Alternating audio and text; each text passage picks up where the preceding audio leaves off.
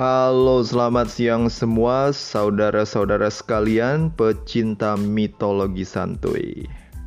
Di siang yang kelabu dan berawan ini, selamat datang lagi dan selamat menikmati lagi suara gua yang kebetulan sedang agak serak-serak ini.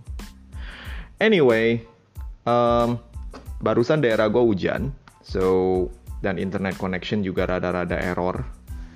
Hari ini topik kita ada hubungannya dengan hujan. Kalau hujan, lalu datang banjir. Mudah-mudahan sekarang sudah tidak banjir lagi ya. Kita semua berharap kalau dalam kondisi pandemi ini tidak diperparah dengan segala macam yang berhubungan dengan banjir dan penyakit-penyakit yang menyusul. So, jaga kesehatannya semua. Dan untuk menghibur kalian semua, hari ini kita akan bahas lagi topik mitologi yang masih berhubungan dengan episode yang lalu. Selamat menikmati.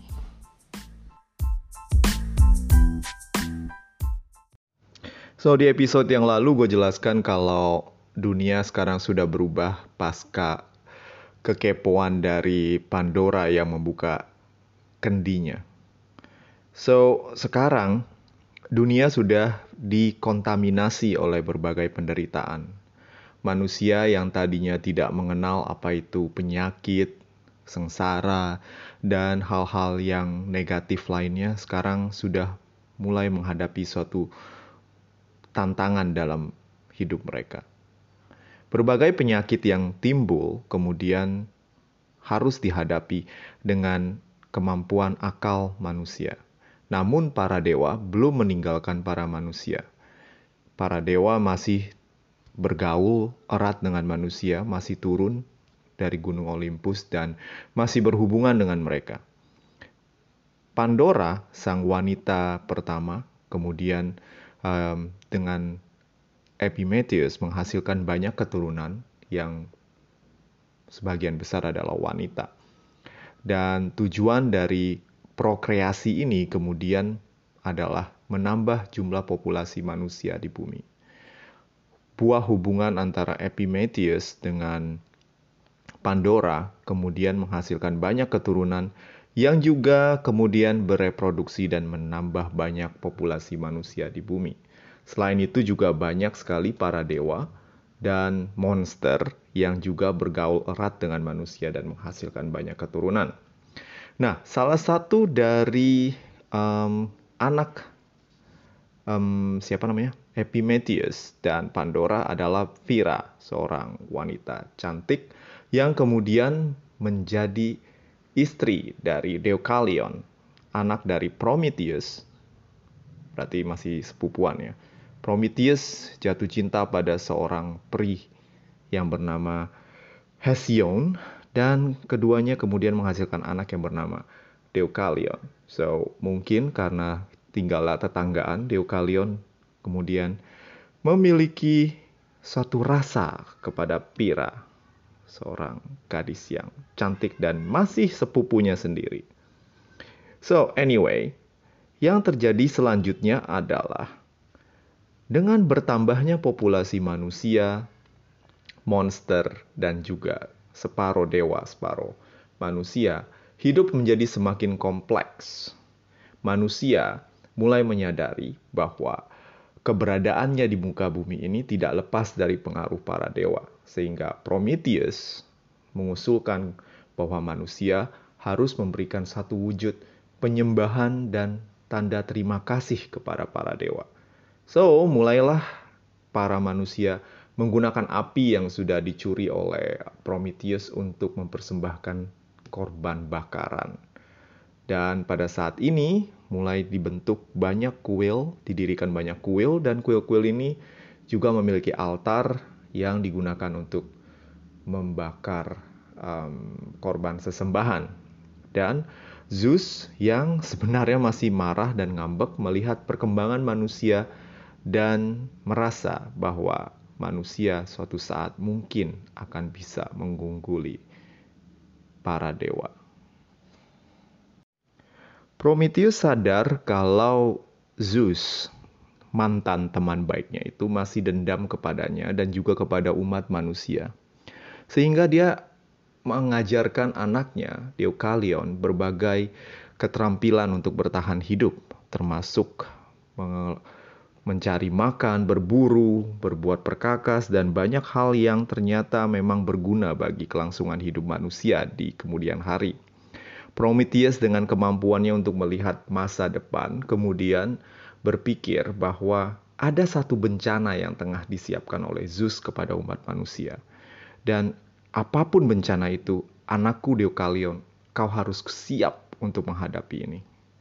Dan dengan bekal penglihatannya ke masa depan, Prometheus bersama dengan Deukalion membentuk satu kotak kayu yang besar, membangun kotak kayu yang besar dan mengisinya dengan berbagai persediaan dan makhluk hidup. Zeus yang melihat bahwa umat manusia yang bertambah banyak ini mungkin ada harapan bagi mereka. Mungkin ada sesuatu yang bisa uh, meredakan amarahnya karena jumlah manusia yang bertambah banyak itu kemudian banyak pula yang memberikan korban bakaran kepada Zeus dan para dewa. Salah satu raja mula-mula di Yunani bernama Lycaon, seorang raja di daerah Arkadia yang sekarang ada di Yunani sebagian di bagian barat. Lycaon suatu saat mengadakan perjamuan makan malam dan dia mengundang Zeus, raja para dewa untuk makan bersamanya. Saat itu uh, mengundang seorang dewa atau raja para dewa sekalipun merupakan hal yang sangat lumrah jika ingin mendapatkan berkat dari mereka. Maklum, saat itu dewa dan manusia masih bergaul erat. So, Lycaon yang mungkin memiliki selera humor yang rada-rada gory dan agak dark humor sih kalau menurut gue menggunakan cara yang sangat aneh untuk menyajikan makanan kepada Zeus. Dikayon entah ngeprank atau memang uh, pengen mempersembahkan suatu korban yang sangat berharga untuk Zeus, kemudian memasak anaknya sendiri yang bernama Nyctimus. Nyctimus ini anak da, uh, anak dari Lycaon, ya salah satu anak dari Lycaon dan Alikaon ini punya 50 anak. So, Nick Timus hilang satu, nggak apa-apa deh bro. Likayon memasak Nick Timus entah dicah atau dibakar atau mungkin dimasak capcay, ku kurang tahu juga. Lalu mempersembahkannya kepada Zeus. Zeus yang maha tahu kemudian kaget, untung belum memakan, dan langsung menghidupkan Niktimus kembali dan saking marahnya, Zeus kemudian mengubah Lycaon menjadi serigala. Nah, mungkin ini cerita awal mula dari adanya werewolf. Lycaon diabadikan dengan kata lichen atau lika yang sekarang merupakan akar dari kata serigala dalam bahasa Yunani dan juga werewolf. so anyway, um, karena kena prank, Zeus ini kemudian merasa manusia ini kurang ajar dan mungkin sedikit lagi mereka berbuat kesalahan, maka Zeus akan mendatangkan malapetaka untuk para manusia. Pukul rata, semua manusia akan dihukum. Anak-anak dari Lycaon yang jumlahnya 49 itu. Kemudian 49 plus 1 Nicodemus ternyata bukan manusia yang baik-baik.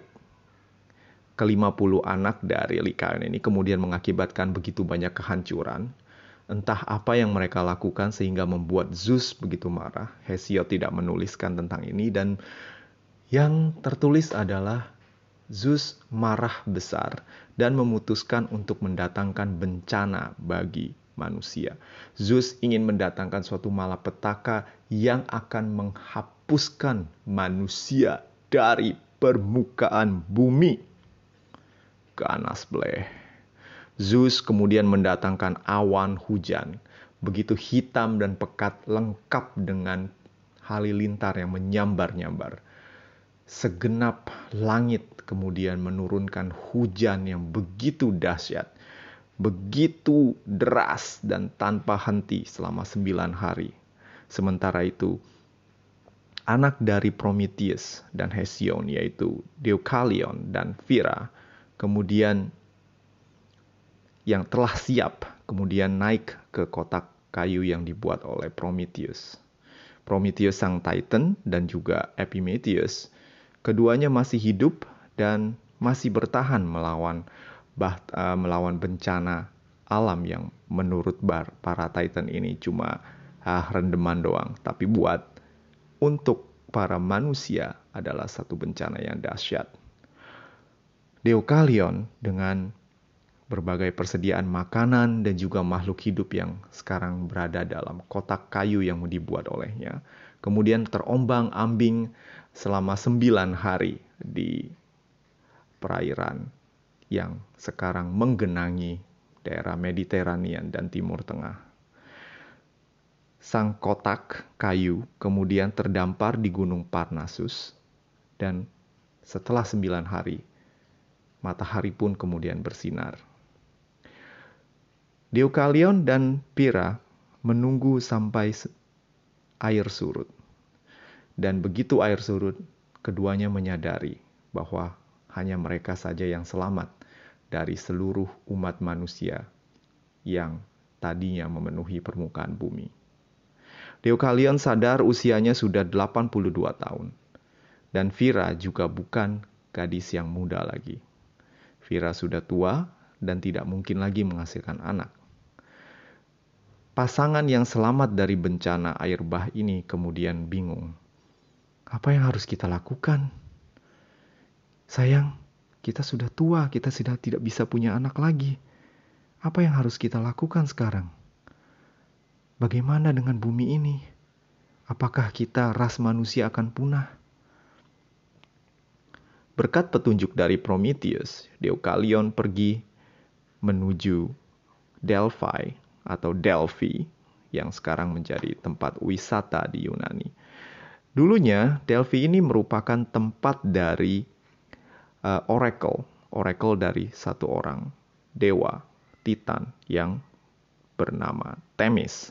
Temis ini adalah Titan yang mengurusi keadilan. Sekarang Temis digambarkan sebagai seorang perempuan yang matanya ditutup dan memegang timbangan dan biasanya merupakan lambang dari keadilan. Justice is blind. This is Temis.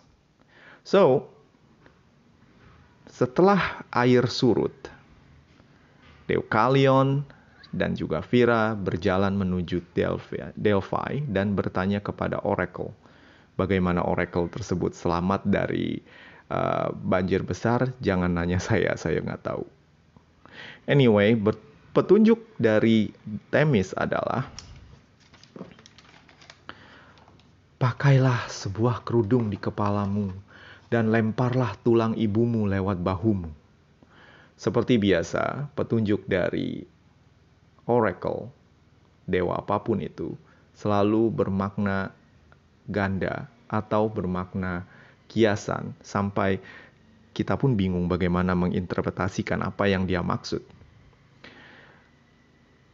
Vira yang mamanya adalah Pandora berpikir bahwa ibunya sudah hanyut, terbawa oleh air, dan tidak akan mungkin lagi menemukan tulangnya.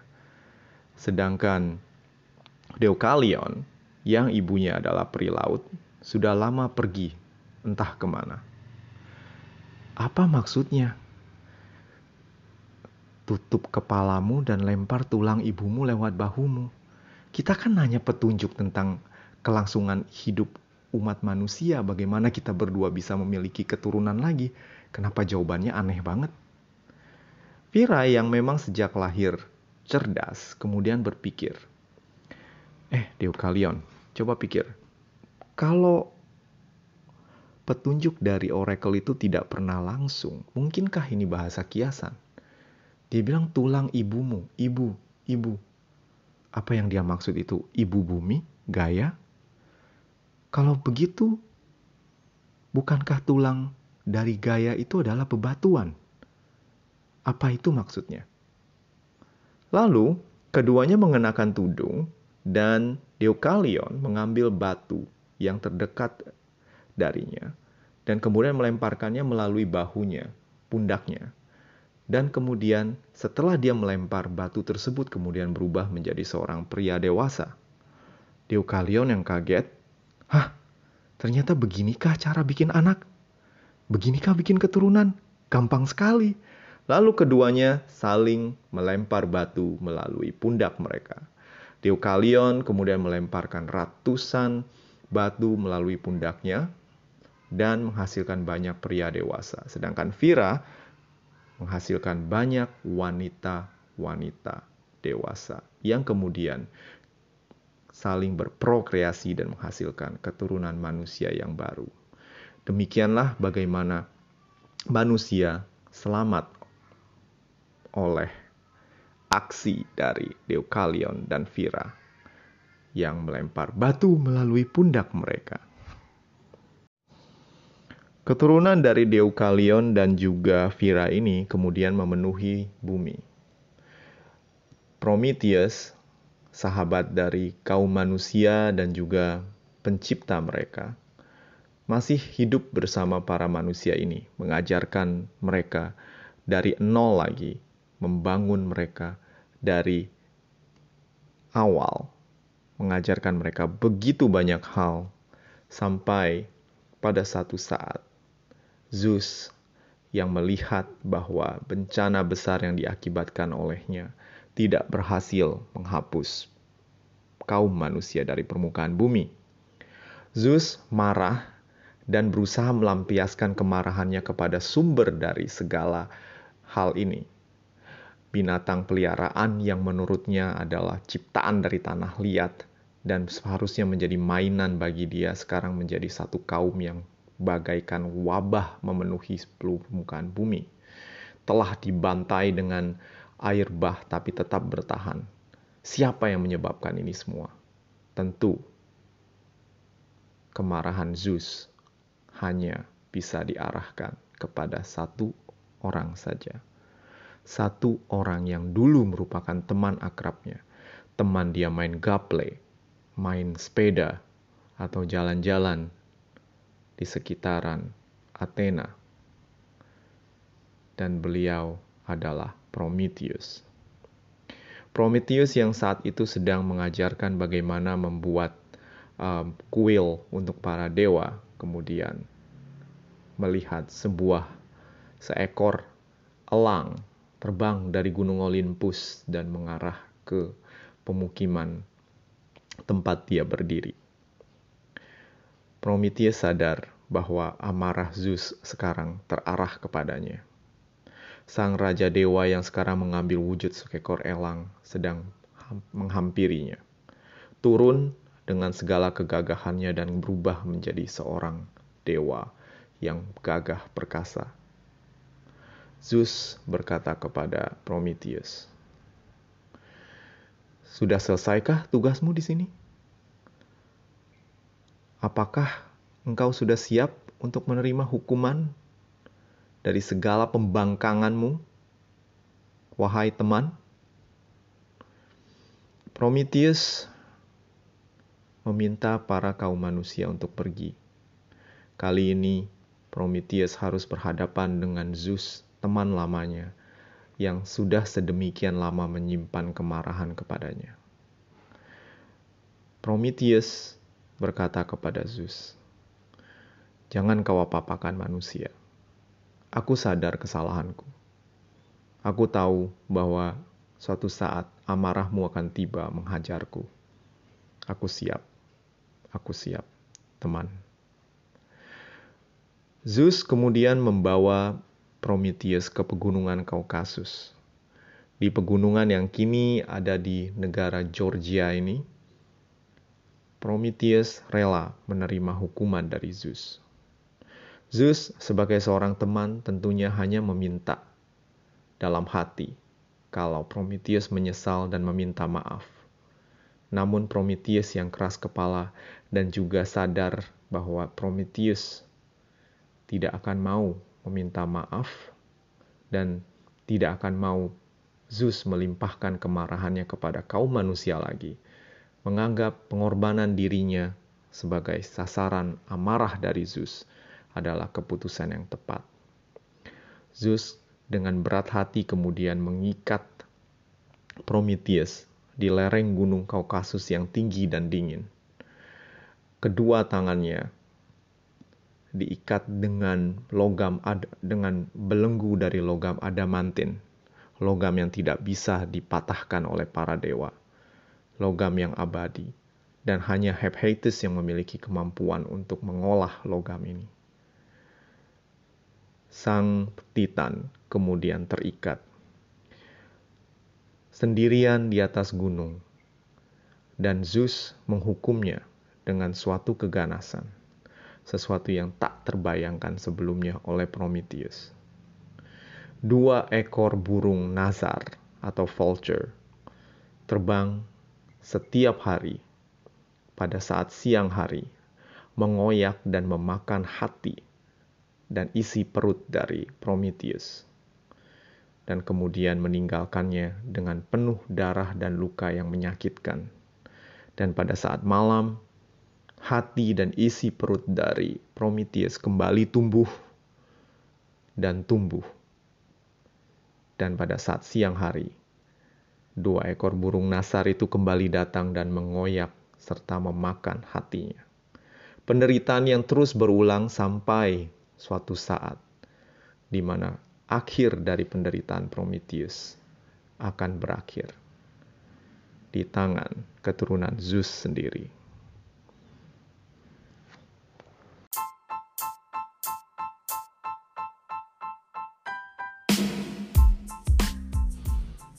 Kalau lu merasa cerita tentang Deukalion dan Vira serta banjir besar yang dialaminya itu mirip dengan cerita yang pernah you dengar di uh, sekolah minggu atau baca di uh, buku atau mungkin pernah dengar dengan di kitab suci masing-masing. Ya, cerita ini mirip dengan cerita Bahtera Nuh, Nabi Nuh yang ditugaskan untuk membuat satu bahtera dan kemudian terdampar di gunung Ararat dan setelah itu kemudian memperluas kelangsungan dari umat manusia. Cerita seperti ini ternyata ada di beberapa kebudayaan manusia, terutama yang bersumber di Timur Tengah. Di satu epic Gilgamesh yang berasal dari Mesopotamia, ada cerita tentang seorang uh, pria yang bernama Utnapishtim yang diperintahkan oleh dewa Enki untuk membuat satu perahu dan mengisinya dengan makhluk hidup yang kemudian uh, juga mengalami banjir besar. Sepertinya cerita-cerita ini memang uh, bersumber dari satu kejadian yang terjadi di sekitaran daerah ini atau memang di seluruh bumi pada saat itu. Tergantung dari sudut pandang mana kau percaya.